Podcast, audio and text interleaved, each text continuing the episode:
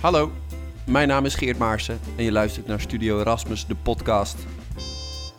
Vrouwelijke wetenschappers publiceren sinds de uitbraak van het coronavirus aanzienlijk minder papers dan hun mannelijke collega's. We gaan het hebben over hoe bestaande ongelijkheden uitvergroot worden als gevolg van deze crisis, overal in de samenleving, maar ook op de werkvloer van een universiteit. Hoe dit soort listige mechanismes werken en wat je eraan kunt doen. Van achter mijn keukentafel bel ik zo meteen met hoogleraar gezondheidspsychologie en expert op het gebied van gedragsverandering en nudging, professor Samia Denktas, die afgelopen maand als Chief Diversity Officer van de Erasmus Universiteit de noodklok luidde.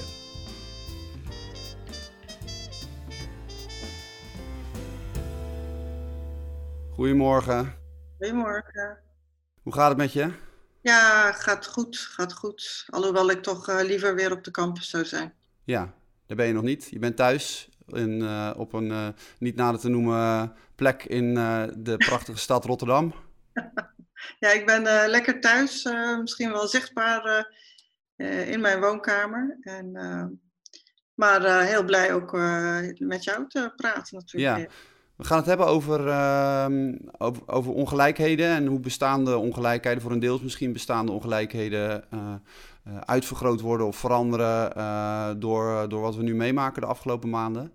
Um, maar misschien even, even goed te beginnen met de vraag. Ik, noem, ik kondigde jou aan als Chief Diversity Officer. Mm -hmm. kun je uitleggen wat, wat dat inhoudt en wat, wat jij en jullie doen? Ja, dat kan ik uh, zeker. We hebben een aantal jaar geleden is, uh, heeft het college van bestuur van de Erasmus Universiteit besloten dat het goed zou zijn dat er een diversity and inclusion programma zou worden gemaakt. En er is toen daarvoor een beleidsmedewerker aangesteld en een chief diversity officer. En zij zijn toen eigenlijk gestart met het opschrijven van de eerste contouren van een programma dat uh, zich met name toen der tijd richtte op het uh, vergroten van het aandeel de vrouwelijke hoogleraren. Um, nou, misschien met een hele duidelijke, met een, een, duidelijke relevantie, want daar is het al jaren bedroevend mee gesteld, toch? Ja, ja dus uh, de Erasmus Universiteit, die jaarlijks komt er een monitor uit van het landelijk netwerk vrouwelijke hoogleraren. En ja, daar, daar stond de Erasmus Universiteit eigenlijk stevast altijd onderaan, zelfs na de technische universiteiten. Dus daar, daar, is, daar, daar is gewoon wel wat, uh, wat aan de hand. Ja, en uh, even, even, even noem eens wat cijfers. Dan hebben we het over, er zijn zelfs faculteiten die geen enkele of zelfs een enkele vrouwelijke hoogleraar uh, hebben, hadden, hè? We zitten rond gemiddeld genomen, zitten we volgens mij, als ik uit mijn hoofd zeg, nu ongeveer ergens tussen 18 of 20 procent. Terwijl we echt een stuk lager stonden. Uh, en, aan jullie taak, uh, of aan je voorgangers ook, om, uh, om daar iets aan te doen? Ja, dus dat programma richtte zich in eerste instantie heel erg op die genderdiversiteit, meer vrouwelijke hoogleraren. Dat is een doelstelling die we hadden afgesproken, ook met de minister. Alle universiteiten hebben dat afgesproken. En, um, en in 2018 werd ik de nieuwe Chief Diversity Officer. En toen daar zei ik al wel heel snel van ja, dus dat is heel erg belangrijk, die genderdiversiteit. Maar er is meer dan alleen genderdiversiteit. En we moeten dus ook kijken naar ook andere dimensies van uh, diversiteit.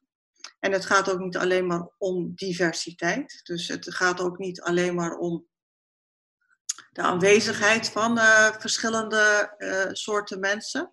Het gaat ook om, heel erg om die inclusiviteit. Dus als je eenmaal dus op deze universiteit werkt, dan gaat het er dus echt om dat je ook overal mee kunt doen. Hè, en ook kunt meebeslissen, et cetera. Dus, um... Noem eens de belangrijkste groepen die dan uh, in ieder geval bij jou aanstellen en, en de afgelopen jaren nu nog steeds uh, niet mee kunnen doen? Nou, kijk, als je nu uh, kijkt naar de, de culturele diversiteit onder onze studentenpopulatie, dan zie je dat onze campus, als, hè, toen voor corona, als je over de campus loopt, zie je dat er enorme diversiteit is onder studenten. Maar als je naar de staf kijkt, dan zie je die culturele diversiteit in veel mindere mate terugkomen. En zeker hoe hoger je in die, uh, in die posities komt, uh, hoe minder diversiteit er is. En, en, en dat, dat is gewoon heel erg zichtbaar. En dat uh, als ik dan studenten spreek met een andere culturele achtergrond of biculturele achtergrond, die zeggen van ja, maar als als we met, met de opening van het academisch jaar naar die cortège kijken, dan zien we eigenlijk niemand waarin wij ons ook herkennen.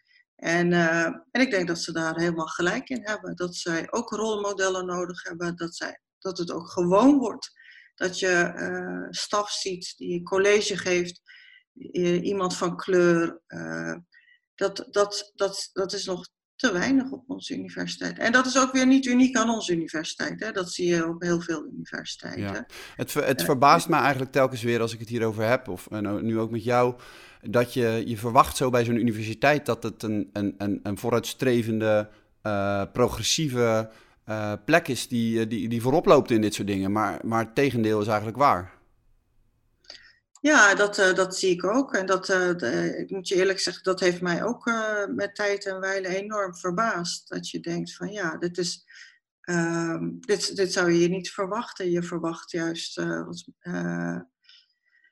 meer open-mindedness. Dat je zegt van nou, wij, hè, dit is een, dit is een, een plek waar aan gedachtenuitwisseling wordt gedaan. Dit is een plek waar intellectuele werken dus uh, enorm veel waarde gehecht zou worden aan verschillende perspectieven. Hè? Dat, je, dat je daarover met elkaar van gedachten wisselt. Maar ook, ja, dus als je verschillende perspectieven inbrengt, kijk je natuurlijk ook gewoon op een andere manier naar thema's waar wij mee bezig zijn. En dat gebeurt nu, naar mijn idee, echt te weinig des te droeviger of cynischer stemt het dat, uh, ik geloof uh, nu iets van drie weken geleden, de eerste bevindingen naar buiten kwamen over um, hoe uh, vrouwelijke onderzoekers ervan afkwamen in, in de coronacrisis. En wat mhm. blijkt dan? Vrouwen publiceren bijna niet meer, of tenminste, er, er komen steeds minder preprints, heet dat geloof ik, hè, binnen voorstellen voor, voor papers. Terwijl bij een aantal uh, academische tijdschriften de mannen alleen maar meer gingen publiceren. Uh, wat, wat is daar aan de hand?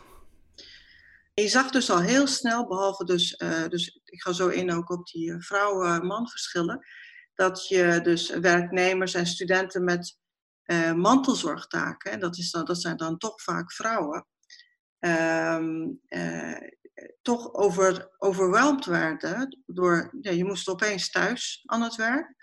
Op, van de ene op de andere dag moesten we bijvoorbeeld onderwijs uh, digitaliseren. Nou, we weten ook dat vaak, vaker vrouwen onderwijstaken hebben. Dus, um, en, uh, en als je dan dus ook nog uh, veel van die zorgtaken op je moet nemen, zoals homeschooling of misschien zorgen voor ouders, ehm, vrouwen dus opeens uh, bijna teruggeworpen werden in een uh, traditioneel rolpatroon. Ja. Van in ieder geval zorgen dat het dat huishouden doorgaat, dat die kinderen onderwijs krijgen. Mm -hmm. En dat onderwijstaken uh, die je hebt op de universiteit, dat die ook doorgaan. Ja, maar wat, gebeurt, maar wat gebeurt daar dan? Want het, het vind, ik vind het zo gek dat die... Er, was even nog een soort van uh, hoop. En ik, ik deelde dat enthousiasme en dat optimisme zelf ook wel een beetje. Zo van, misschien zijn het wel die, die mannen die nu... Die noodgedwongen ook. Iedereen zit thuis. Dus inderdaad de grote gelijkmaker. En die mannen die moeten ook ineens... Uh, de, week, de week wordt in tweeën gesplitst. Uh, iedereen, iedereen werkt. en die mannen die nemen ook nu eindelijk hun verantwoordelijkheid. maar het tegendeel blijkt waar te zijn. Wat gebeurt daar dan precies, denk je? Ja, ik denk dat dat dus. Uh, ik denk er zijn uh, onderzoekers die zich daar heel erg op richten. Hè, van ook als, uh, dus, en daar moeten we natuurlijk nog wel wat resultaten van zien. Dus mannen geven ook aan dat ze ook zorgtaken op, op zich nemen. Mm -hmm, maar vrouwen geven aan dat ze dat wel meer doen dan, dan een ja. partner. Ja, ik geloof dat, dat het verhaal weer is dat mannen die hebben het idee dat ze het heel zwaar hebben. Maar vrouwen merken er eigenlijk weinig van. Die zeggen, nou, ik doe nog steeds meer. Precies. Dus, ja. dat, dus, dus in die zin maakt het de facto voor die vrouwen natuurlijk niet zo heel veel uh, uit. Maar wat er gebeurt is dus, um, uh, uh, dus mannen die minder zorgtaken hebben of dat gewoon niet doen, die hebben natuurlijk nu gewoon meer tijd om te schrijven. En wat we zagen is dat er natuurlijk heel fijn allerlei calls kwamen waar je dus voor een onderzoeksaanvraag, waar je een onderzoeksaanvraag over het corona kon indienen. En um, uh, die calls waren maar ja, heel uh, beperkte tijd open. Ja, die, heel veel vrouwen hebben toen niks kunnen indienen. omdat ze daar gewoon niet de tijd voor hadden om, uh, om te schrijven. Nou, dan kun je denken van, nou, dat is jammer, nou, die, slaan we een keer over. Maar dat werkt door. Mm -hmm. Dus als je niet oppast, dan word je daar natuurlijk misschien volgend jaar of de jaren daarop weer op afgerekend. Omdat je dus dan in vergelijking met je mannelijke collega minder onderzoeksmiddelen hebt binnengehaald. Dus ook daar minder over hebt kunnen rapporteren, dus minder publicatie hebt. En dat werkt dus door als we niet oppassen. Ja. Daarvoor hebben wij in een, in een whitepaper ook uh, willen waarschuwen van let op, uh, let op NWO en anderen, want straks als deze mensen opnieuw een aanvraag moeten indienen, dan geef je ook aan van oké, de afgelopen jaren heb ik dit en dit gedaan en heb ik zoveel geld binnengehaald. Daar zal een verschil in ontstaan, dat, dat ze daar dus niet op worden afgerekend. En let op, leidinggevende binnen de universiteit, hou je rekening mee bij de volgende uh, RNO-cyclus. Dat je goed kijkt van ja, maar uh, vanwege die coronacrisis hebben zij minder aan onderzoeksoutput kunnen leveren en minder grants binnen kunnen ja. halen. Ja, even de, ik, ben even, ik doe even de ondertiteling. Een RNO-cyclus is uh, je functioneringsgesprek eigenlijk hè, binnen de universiteit. Ja. Uh, MBO is een onderzoeksfinancier en dat whitepaper waar je het over hebt is een, is ja. een soort, uh, nou ja, met dramatisch gezegd, de noodklok die geluid wordt over de impact op allerlei fronten van, van, van deze crisis. en de thema's waar het om gaat met betrekking tot ongelijkheid. Um, maar, maar, maar wat, wat ik interessant vind aan dit voorbeeld is dat het heel tastbaar is, ook heel acuut. Um, en tegelijkertijd uh, de complexiteit van, denk ik, veel thema's waar jij je mee bezighoudt aantoont. Um, want, want, want hoe, stel, hè, je, hebt, je hebt deze casus, dus die, die verschillen tussen die mannen en die vrouwen, die uitvergroot worden door zoiets simpels als, kunnen we aannemen, die vrouwen die uh, om een veelheid aan redenen uh, sneller tot zorgtaken overgaan als, dat, uh, als de nood aan de man is of de nood aan de vrouw. Um, wa, hoe, hoe zou, wat is hier, want jouw taak is deels dit uh, agenderen, maar, maar, ook, maar ook voor een deel oplossen. Wat, wat, wat kun je hier nou aan doen, dit concrete voorbeeld? Nou, kijk, dus in, het, het, is precies zoals je het zegt. Hè, dat wij moeten dit blijven agenderen en zorgen dat het uh, op tafel ligt. Dat hebben we gedaan. En het is ook eigenlijk heel goed opgepikt door. Uh, dus eigenlijk meteen ook nadat de whitepaper verscheen, is het uh, bij het college van uh, decaan ook meteen besproken. Dus dat was heel erg goed. Um, en we hebben handelingsperspectieven bijgezet. Dus het is niet alleen maar een analyse van het probleem, maar ook van wat kunnen we eraan doen op nationaal niveau. Kijk, er zijn ook een aantal dingen die wij zelf als universiteit, waar wij niet zoveel invloed op hebben. Dus, dus daar moeten we ook helder over zijn, hè, de verantwoordelijkheden. En wat we, wat we als universiteit wel kunnen doen. En, um, en volgens mij ligt daar toch ook weer een deel van de op, oplossingen, of in ieder geval ervoor zorgen dat dit niet al te grote negatieve consequenties heeft. Uh, ons er heel goed bewust van zijn dat dit dus gebeurt. En dat je dit dus niet kunt uh, terugredeneren naar individuele verschillen. Ja, dus dat je dus niet kunt zeggen van, ja, je hebt gewoon minder gepresteerd, punt. Want dat is nog steeds uh, het argument wat je vaak hoort. Nou, kijk, wat je, wat je vaak ziet is dat tijdens functioneringsgesprekken toch nog heel erg, uh, uh, zeg maar, dus kijk, we hebben natuurlijk een aantal criteria op basis waarvan we mensen beoordelen. En de, een daarvan is je, is je wetenschappelijke output, die is mm. heel erg belangrijk op de universiteit. Dus als je dus heel plat zou kijken naar die output, dan ga je die verschillen zien uh, tussen mannen en vrouwen van, door de afgelopen uh, drie maanden, door die crisis. Uh, en als je daar dus geen rekening mee houdt, dan werkt dat door in aanstellingen, dus carrièreperspectieven, beloningen. En daar heb, je dan een heel, daar heb je dan heel veel jaren last van. Werkt dat ja. gewoon door. Ja. Ja. Dus het is, je kunt het niet zien als een ja, geïsoleerde gebeurtenis van een paar maanden.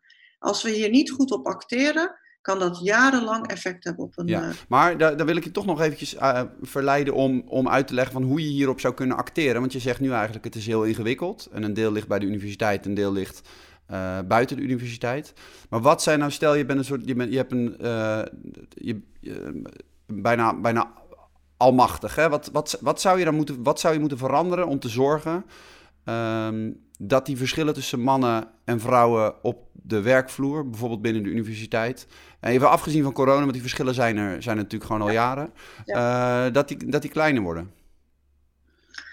Nou, een goed voorbeeld hè, van wat we voor corona natuurlijk al gestart hebben en uh, waarvan ik denk dat dat nu dat loopt nu ook gewoon door tijdens corona. En dat is nog belangrijker geworden dan voor corona, is de 25-25 uh, policy, die we, programma die we gestart zijn. Uh, waarbij we eigenlijk uh, zijn gaan kijken, heel concreet, van nou, wie zitten er nou in die pijplijn? Getalenteerde vrouwen op universitair docentniveau en universitair hoofddocentniveau. En, um, dat is de ladder die je opklimt naar het eventuele hoogleraarschap, hè? Precies. En nu zie je dat, uh, ik zeg uit mijn hoofd, ergens tussen de 85 en 90 vrouwen deelnemen aan dat programma. En dat is een aanzienlijk aantal, dat is echt een heel groot aantal.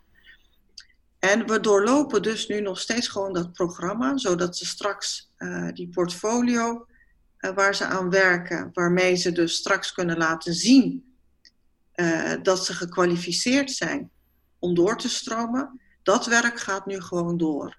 En dat is denk ik heel concreet, waarbij je kijkt van wie zit er in die pijplijn, hoe zorgen we dat ze transparant worden beoordeeld op hun portfolio, of wat ze hebben bereikt, maar waar ze nog mogelijk nog wat aan moeten doen, dan helpen we ze daarbij.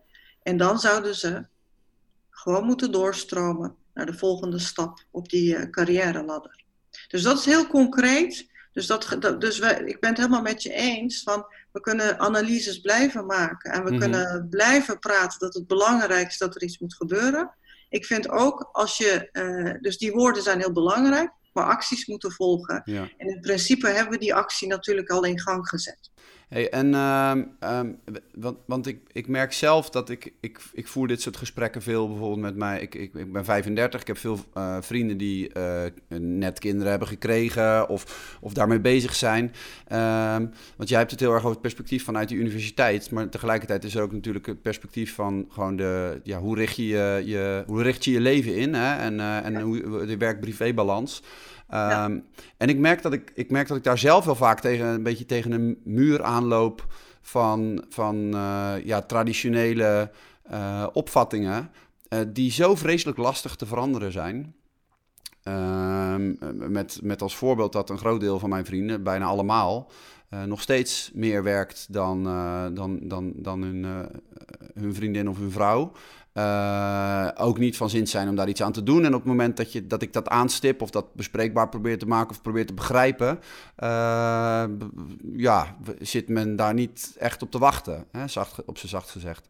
Wat voor nou... reacties krijg je dan? Wat zeggen ze dan? Nou, de, de simpele, de, de, de, meest eenvoudige die, die vaak terugkomt, is dat mensen zeggen: um, Ja, maar het is een simpel rekensommetje en ik verdien meer. Uh, dus, maar, de, maar de vraag niet stellen hoe het dan komt en welk systeem je in stand houdt van salarisverschillen bijvoorbeeld. Tenminste, dat vind ik een interessant thema daaraan. Um, een andere is, uh, ja, in mijn baan kan ik niet parttime werken. Uh, en en de, de ultieme klapper is, uh, is voor mij altijd wel, ja, dat is toch de biologie. Hè? Het, het, het, vrouwtje, het vrouwtje is ervoor gemaakt. en ik heb gewoon niet zoveel met jonge kinderen. En uh, ja, dan uh, zit ik met. Uh, ik, zit, ik sta niet snel met, met lege handen of met, met mijn mond vol tanden, maar, maar dan wel. wat, wat, wat, wat, wat moet je nou met dat soort, met, met dat soort gesprekken en ook met die. ja, de, de, de, de, de, niet de, bereidheid om daar, om daar ook op microniveau toch, toch maar weinig aan te doen. Ja.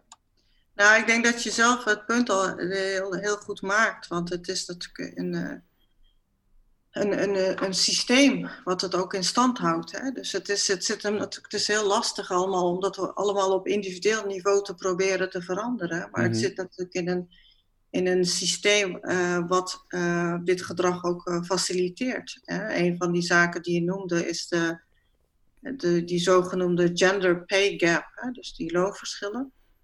Dat, en daar zie je ook dat steeds meer onderzoek naar wordt gedaan wereldwijd. Dus en die, die, die verschillen zijn er gewoon. Hè? Dus, uh, uh, dus dat, dat, moet, dat moet verder uitgezocht worden en ook gecorrigeerd worden.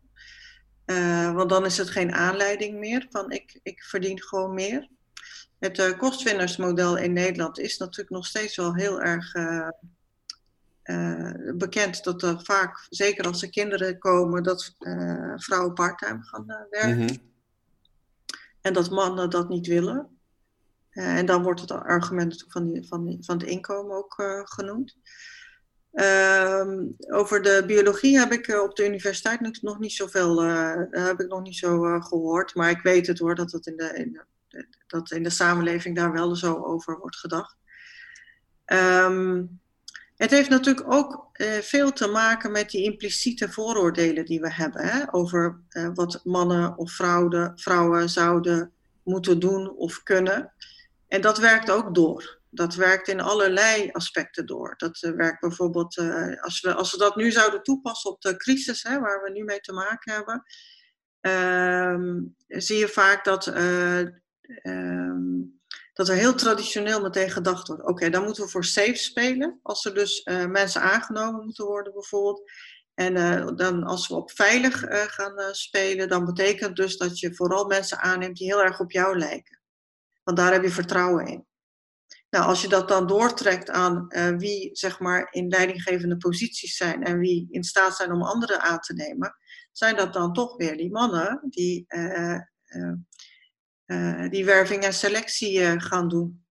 En dan zul je zien dat juist degenen die al in die minderheidspositie zaten, ja, toch echt minder aan bod komen.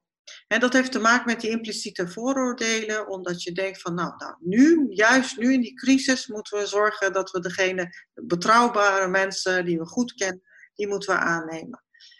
Um, dus dus uh, dat werkt op allerlei manieren door. En wat wij hebben gedaan, omdat we dat weten, dat is ook bekend van internationale literatuur, is dat we vorig jaar ook uh, binnen de universiteit gestart zijn met implicit bias trainingen. Dus om die impliciete vooroordelen, om in ieder geval dat ook gewoon te agenderen. En we zijn begonnen met het leiderschap van de universiteit, dus echt op de top van de faculteiten omdat uh, we denken dat het belangrijk is om zeker uh, daar uh, mee te beginnen. ik moet je ook zeggen dat we hebben allemaal vooroordelen. Jij en ik ook. Dat hebben we allemaal. En het punt is dat je je er niet bewust van bent. En als je er niet bewust van bent, merk je ook niet zo goed dat je op een bepaalde manier keuzes maakt en je er op een bepaalde manier gedraagt. En pas als, als we daar beginnen met van oké, dit is dus wat er gebeurt als je een vooroordeel hebt, waar je niet van bewust bent. En dat dat toch ook heel erg kan doorwerken in, in allerlei uh, keuzeprocessen binnen je werk, maar ook mm -hmm. binnen je privéleven. Geef eens een voorbeeld van zo'n vooroordeel en hoe dat vervolgens uh, door, door een van door, door zo'n manager werd, werd erkend en, en, en aangepast. Bijvoorbeeld, dat, eh, als je weer teruggaat naar die genderverschillen, dat um, um, als in termen van vrouwen wordt gesproken, dan is het toch vaak van nou, uh, het is goed dat, uh, dat zij nog wat meer ervaring op gaat doen. Hè? Want ja, toch nog maar even goed laten zien wa wat ze kan. Terwijl als, ze, als een man beoordeeld wordt, dat toch vaak gezegd wordt van nou, hij heeft toch wel echt wel talent. Uh, dus we geloven er wel in dat, uh, dat, dat de rest komt. Dat is iets dat uh, blijkt uit onderzoek. Dat, dat zijn wij sneller geneigd te denken ja. bij vrouwen. Van nou laat er, laat er eerst nog maar eventjes. En, en misschien zijn mensen dat van zichzelf ook wel een klein beetje geneigd te denken. Die culturele dwang, kan ik me voorstellen, is ook in die zin heftig. Dat, dat iedereen daar onderdeel van is, of niet? Nou, die, dus die, die, die vooroordelen zijn dus zeker ook onder de vrouwen. Dus dat is helemaal waar. Het is niet alleen iets wat bij mannen gebeurt, het gebeurt ook bij vrouwen. Hoe ziet jouw droomuniversiteit eruit? Want we hebben het nu over man- en vrouwverschillen, maar diversiteit en inclusiviteit speelt op allerlei fronten. Waar, wil, waar, waar, waar, waar wil jij naartoe werken?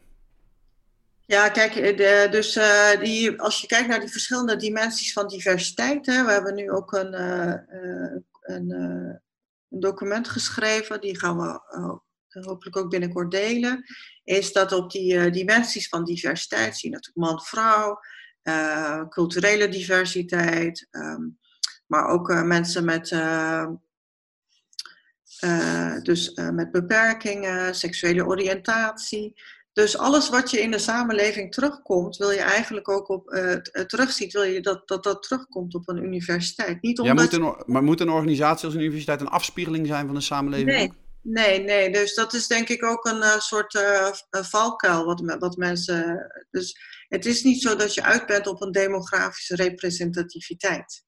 Dat is niet zo. Want dan kun je ook een discussie hebben van... hebben we voldoende mensen met rood haar bijvoorbeeld op de mm universiteit? Nee, het gaat erom dat je perspectieven binnenbrengt. Want daar wordt de wetenschap beter van. Daar wordt het onderwijs beter van. En zeker als je nu kijkt naar... Uh, hè, wij, ik wil bijna zeggen, wij wonen als universiteit in Rotterdam. Kijk naar, naar Rotterdam. Het is natuurlijk echt een fantastische stad waarin je ontzettend veel verschillende mensen, type mensen hebt wonen. En studenten komen ook naar de Erasmus Universiteit uit de regio Rotterdam. En zij geven ook aan van ja, maar ik wil ook wel eens een keer een ander perspectief horen. want dan hebben we het bijvoorbeeld over het uh, curriculum. Uh, we hebben vorig jaar uh, Teacher Lecture Day gehad, docent-studentdag. en dat was echt fantastisch, want er, was, er waren allerlei verschillende soorten stafleden en studenten. En zij gaven ook aan van als wij onderwijs krijgen, vinden we het ook gewoon wel eens prettig om het te hebben over thema's waar wij ons mee bezighouden. Mm -hmm. Geef eens een voorbeeld. nou kijk, ehm, wat bijvoorbeeld uh, belangrijk is eh, voor internationals uh, die op onze universiteit rondlopen, die zeggen van ja, maar en, en daar zitten wel verschillen hoor. dus ik wil niet iedereen over één kam uh, scheren. Er zijn zeker docenten die dat fantastisch adresseren.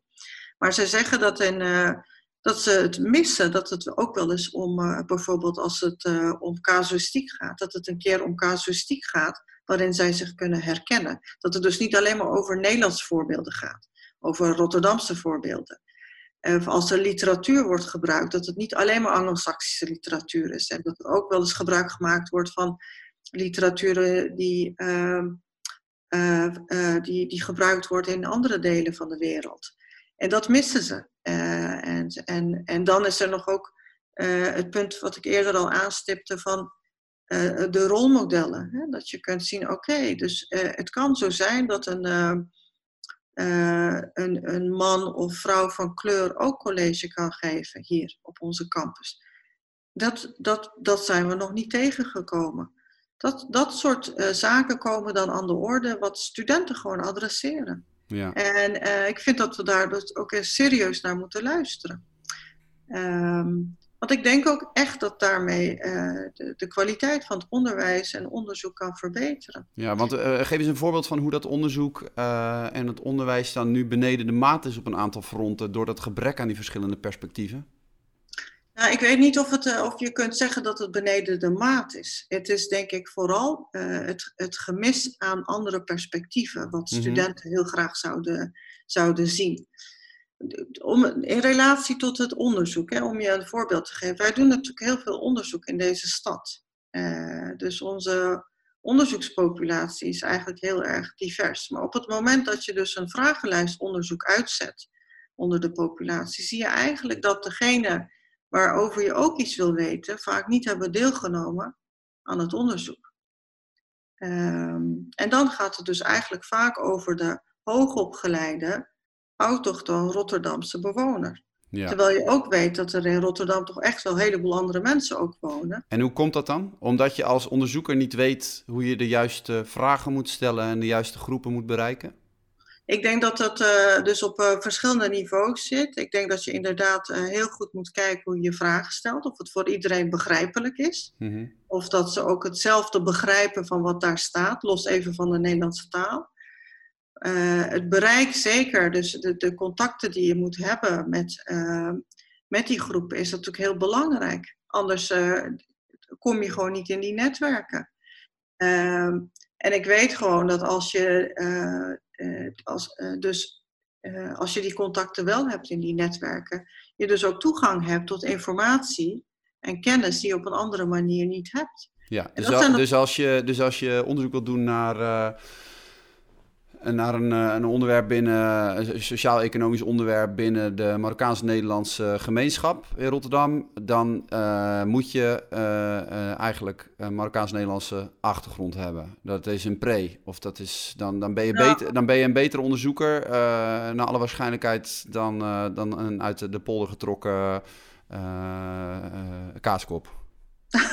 Nee, dat denk ik niet. Dus ik denk niet dat je dan een betere onderzoeker bent. Want ik denk dat uh, een heleboel uh, goede onderzoekers hebben op de Erasmus Universiteit. Maar ik denk wel dat je een bepaalde, wat misschien makkelijker toegang zou kunnen hebben tot die doelgroep. En kijk, wij willen natuurlijk ook met de hele nieuwe ontwikkeling rondom erkennen en waarderen. En, en team science zie je dat je ook steeds meer, dus dat we ook steeds meer in teams gaan werken om onderzoek te doen. Kijk, als je dus dit type van diversiteit zou hebben uh, in, je, uh, in je onderzoeksteam, dan heb je, breng je dit soort perspectieven binnen. En dan kun je natuurlijk met elkaar praten over die vraagstelling. En dan kun je, kun je zeggen van nou, um, komt dit aan binnen die onderzoeksgroep? Of uh, hoe zou je die vraag misschien beter anders kunnen stellen?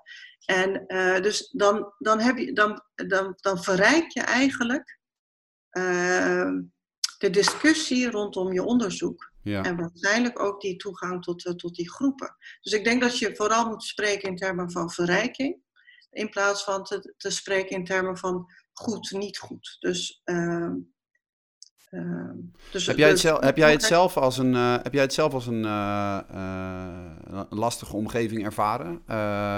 gedurende het, het, het, opklimmen tot, tot ja, hoogleraarschap wat je nu hebt?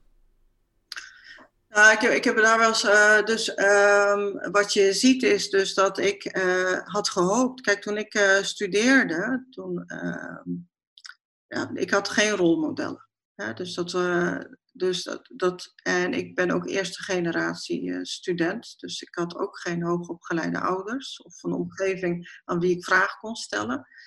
en dat is gewoon best heel ingewikkeld als student. Je wordt heel onzeker en je denkt van hoor ik hier eigenlijk wel thuis. Uh, um, en uh, toen ik uh, zelf wetenschapper werd, uh, had ik wel het idee van, nou, dit gaat wel veranderen. Dat was de hoop. Dat ik dacht van, nou, straks studenten die na mij komen, die komen wel in een andere context. Dat kan toch bijna niet. Hè? Want we hebben steeds meer mensen die gaan studeren. En ik ben bijna 50. En ik kijk nu rond op de campus en ik zie wel dat er wat verandert, maar nog, dit kan natuurlijk veel sneller. En ik gun het gewoon, uh, ook deze nieuwe generatie studenten, ook in een omgeving te zijn waar ze zich, uh, uh, zeg maar, uh, de, eens kijken hoe ik dat in goed Nederlands kan zeggen, de sense of belonging, hè, dat, je ook, hè, dat, je, dat je daar mag zijn en dat je er ook bij hoort en mag meedoen dat gevoel, dat, dat, zou ik, dat gun ik ze zo van harte.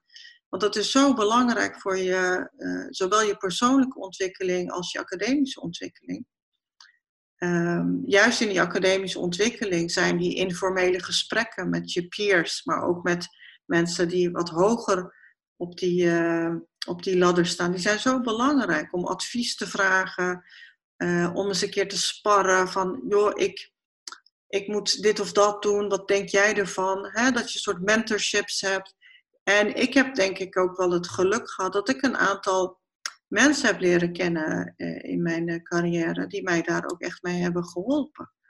Um, dus het, het netwerken, dat zijn allemaal zaken waarvan ik zeg, um, ja, daar, daar moeten we soms mensen gewoon even bij helpen. En, uh, want die zijn, zo, die zijn gewoon heel erg belangrijk. En ik, ik, ik heb het als een gemis ervaren als je kijkt naar uh, welke landen dit nou wel goed voor elkaar hebben, hoor je vaak het Scandinavische model. Uh, met uh, betrekking tot verlof, kinderopvang, uh, doorbetalen bij ouderschap. Wat kunnen we leren van en, en, naar welk land moeten we kijken of naar welk voorbeeld moeten we kijken als we een, een inclusiever, betere, betere samenleving en in, in, in jouw geval universiteit nastreven?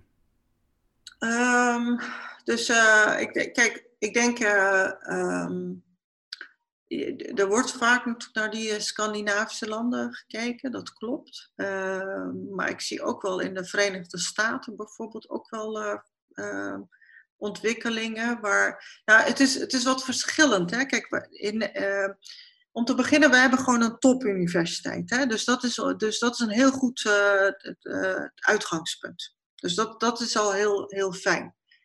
Ehm, maar uh, ik was dus in maart was ik in de Verenigde Staten, uh, in UCLA, University of California Los Angeles. En daar merk je dus in het, uh, dus de discussie over diversiteit en inclusie gaat daar heel makkelijk. Alles is bespreekbaar. Het is veel makkelijker, ook als je het hebt, dus niet alleen over genderdiversiteit, maar ook de, dus over um, culturele diversiteit. Iedereen is daar woke. Ja, ik bedoel, het gaat allemaal... Maar, maar, het, is, maar het is in die zin, zijn het daar wel die, die, eh, die, die progressieve, vooruitstrevende uh, haarden die je zou verwachten van een universiteit? Nou, wat, dus wat, niet in allerlei opzichten, denk ik, maar wel, het is bespreekbaar. Dus we mm. konden daar op het hoogste niveau zitten en dan wordt er met gemak gesproken over allerlei zaken rondom diversiteit en inclusie. Ik, ik vind dat daar kunnen we van leren. Hè? Dat we daar makkelijker zeggen van, nou, we hebben problemen, en, zo, en dat moeten we bespreekbaar maken en dat gaan we ook doen. Ik zie dat wij als Erasmus Universiteit daar grote stappen in zetten. het debat is er. Uh, we zeggen niet van nou ja, de, ja, misschien hebben we wat probleempjes en dat lost zich vanzelf wel op. Dus dat is een enorme vooruitgang in die zin dat we uh, dat erkennen en het gesprek daarover voeren. Um, wat je in die Scandinavische landen natuurlijk sowieso in die. Eh, ik denk dat, je, dat jij dat ook bedoelt, is dat veel meer die genderverschillen op allerlei manieren en niveaus natuurlijk al uh, geadresseerd worden en ook mhm. concreet aangepakt worden, zoals het vaderschapsverlof. En weet je wel, dat je dus een, een meer uh, equal playing field krijgt voor mannen en vrouwen. Uh, waardoor natuurlijk dat ook weer doorwerkt in die instituties. Ehm, maar dat kun je dus gewoon niet één op één uh, kopiëren, omdat dat natuurlijk ook afhangt van een heleboel andere zaken. En als universiteit uh, zitten we nu vooral ook te kijken van nou, met het, bijvoorbeeld het beleid wat we hebben van uh, 2525, is om een soort equal playing field te creëren. Van mhm. nou ja, het cv is gewoon goed, het is beoordeeld op het cv. En, uh, maar we gaan daar niet opeens zeggen, ja, maar ga nou nog maar eerst nog een paar jaar onderzoek doen. Nee, dus iedereen wordt op die manier heel transparant beoordeeld. Dus ja, ik denk dat we heel goed moeten kijken naar onze uh, internationale partners. Uh, dat hebben we ook concreet gedaan toen we professor Kurt Rice hebben uitgenodigd naar de EUR. En uh, we hebben heel veel geleerd van hem, hoe hij in Noorwegen, op zijn universiteit, heeft hij 50% vrouwelijke hoogleraren. Mm uh, en daar eh, in, in, in die gesprekken die wij met hem hebben gevoerd en ook uh, gekeken, we hebben dus ook gekeken hoe hij dat heeft gedaan. Dat, dat is ook het fundament, zeg maar, van het Policy 2525-programma. Ja, ja, Is dat voor, uh, want terugkomend, hè, ik proef bij jou veel enthousiasme en optimisme. toch zit je nog steeds, en ik, voor mij voelt het alsnog steeds, op 18 tot 20 procent vrouwelijke hoogleraren. Ehm, wat als een soort, e, wat je als exemplarisch denk ik kan zien voor uh, deels, uh, nou ja, nog, nog, nog, dat er nog wel wat werk aan de winkel is, hè, wat inclusiviteit betreft. Uh, wanneer, wanneer, wanneer, zit, wanneer zit je op 50 procent? ah, dat is koffiedik kijken. Ik weet het niet. Kan het in Nederland? Um, Kijk, als je kijkt naar de, het aantal vrouwelijke studenten, en in sommige studies heb je uh, echt veel meer dan 50% vrouwelijke studenten, dan zou je denken dat dat zou, dus als dat zou doorwerken in die pijplijn, hè, want als, je de, als die vrouwelijke studenten afstuderen, een promotietraject ingaan, uh, postdoc worden, universitair, als dat gewoon die pijplijn gewoon doorgaat, is het absoluut uh, mogelijk.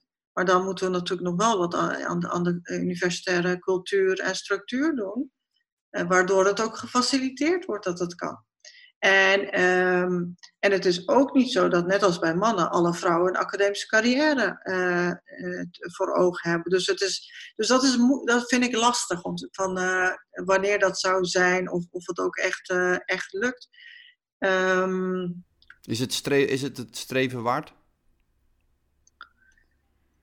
Ehm, ja, dat is, dat is natuurlijk denk ik ook nog wel een. eh, ehm, ja, dat vind ik ook een, eh, lastige. Ik denk, voor mij persoonlijk denk ik. Ik, ik denk ja, eh, dat het goed zou zijn als we streven naar gelijkwaardigheid. En dus ook vrouwelijk leiderschap hebben, vrouwelijke hoogleraren hebben. Ja, de helft van de wereld, eh, bevolking bestaat uit vrouwen. Dus het is ook niet zo'n hele gekke gedachte. Dus het antwoord is gewoon ja. Ja.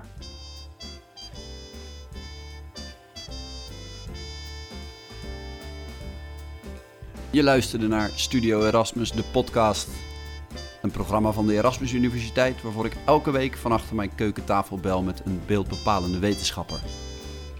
De interviews zijn te beluisteren als podcast, bijvoorbeeld via Spotify, en te bekijken als video via studioerasmus.nl, waar overigens ook alle ruim 300 eerdere interviews te vinden zijn. Studio Erasmus komt tot stand onder redactie van Willem Scholten, Lenja Slierendrecht, Sonja Nollens-Smit, Marianne Klerk, Marjolein Kooistra en Meral van Leeuwen. Mijn naam is Geert Maarsen.